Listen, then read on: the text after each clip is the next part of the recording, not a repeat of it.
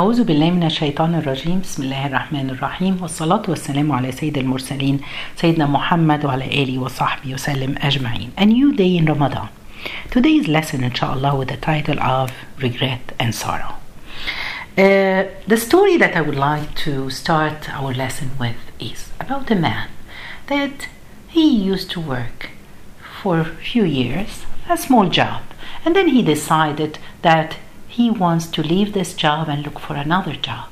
So he um, he decided to leave. Then he told his boss and he resigned.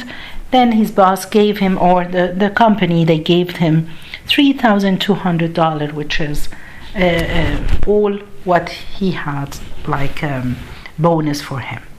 After that, the day when he left home, he told his mom he used to live with his parents his mom and dad. And then it was time close to hajj. So the mother and the father they told him you know what? We wish to go for hajj. So the next morning he was so happy and he went to a travel agency to see uh, how much will it cost for both of them. And subhanallah it cost this exact the same amount 3200 he paid it and he reserved for them. He went back home happy telling them the good news. They were so happy and they thanked him so much. Two weeks later they went to hajj and then they came safe after hajj. Three weeks after hajj he during this time he was looking for another job and he got a new job in another company.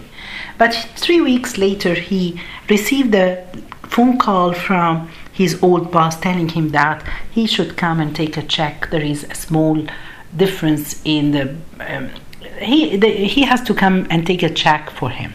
So he said maybe small difference in amount or so. He was expecting 100 or 200. When he went, subhanallah, he found a check that they gave him 3,200. Exact, the exact amount that he paid for the Hajj of his parents.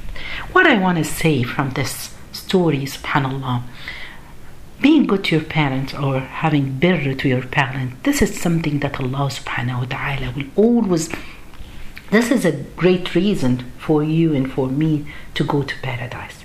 We have to go, be good to our parents. This is, and we have a lot of examples of the righteous people or the companion of the Prophet, peace be upon they use. Look at Abu Huraira.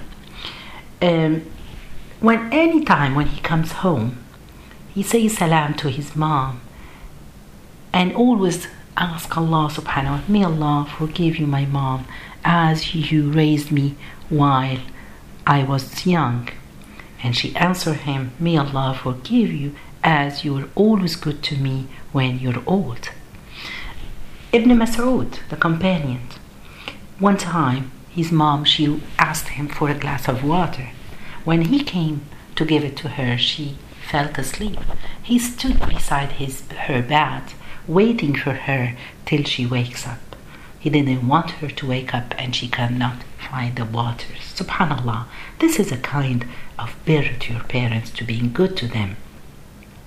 One of the followers, his name was Ibn Aoun, one time his mom she called him and then he raised his voice answering her okay mom i'm coming as a lot of us do these things then he felt so bad and guilty and he freed two of his slaves that he has because of that ibn sirin when he used to talk to his mom always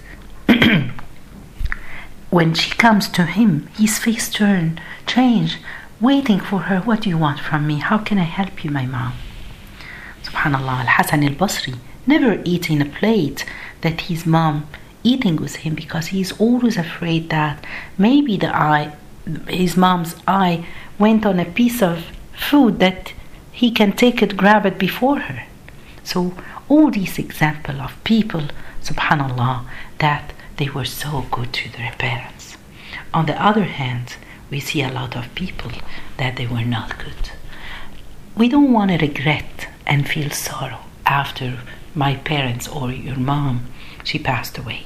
And this is the story that I want to finish the lesson with today about five brothers and sister.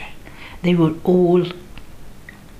Uh, they had their mom, and the day that the mom passed away, they all felt sorrow and regret what they had done with her mom. And they were gathering, and they said, each one of us, just say something that you regret after we lost our mom. So the first one he said, I had a debt. I couldn't pay my rent for a long time, and I had a debt of 200, uh, 200,000 uh, uh, debt. And my mom, she knew about this, and all was. She didn't ask me anything because she knew that I'm in debt. And one time, the uh, the the, the, the owner of the apartment he came and he said you know what? I'll leave. I'm not you don't have to pay me back your debt. And he reduced the uh, rent so he can pay. And he said i told my wife and my children not to tell my mom because i don't want her to come and ask me for any money. And i regret this then the second one he said one time I had a fight with my mom on something which was ter- a very small thing and passed weeks and weeks and I didn't talk to my mom and then she passed away. I really regret this and I'm sorry for that.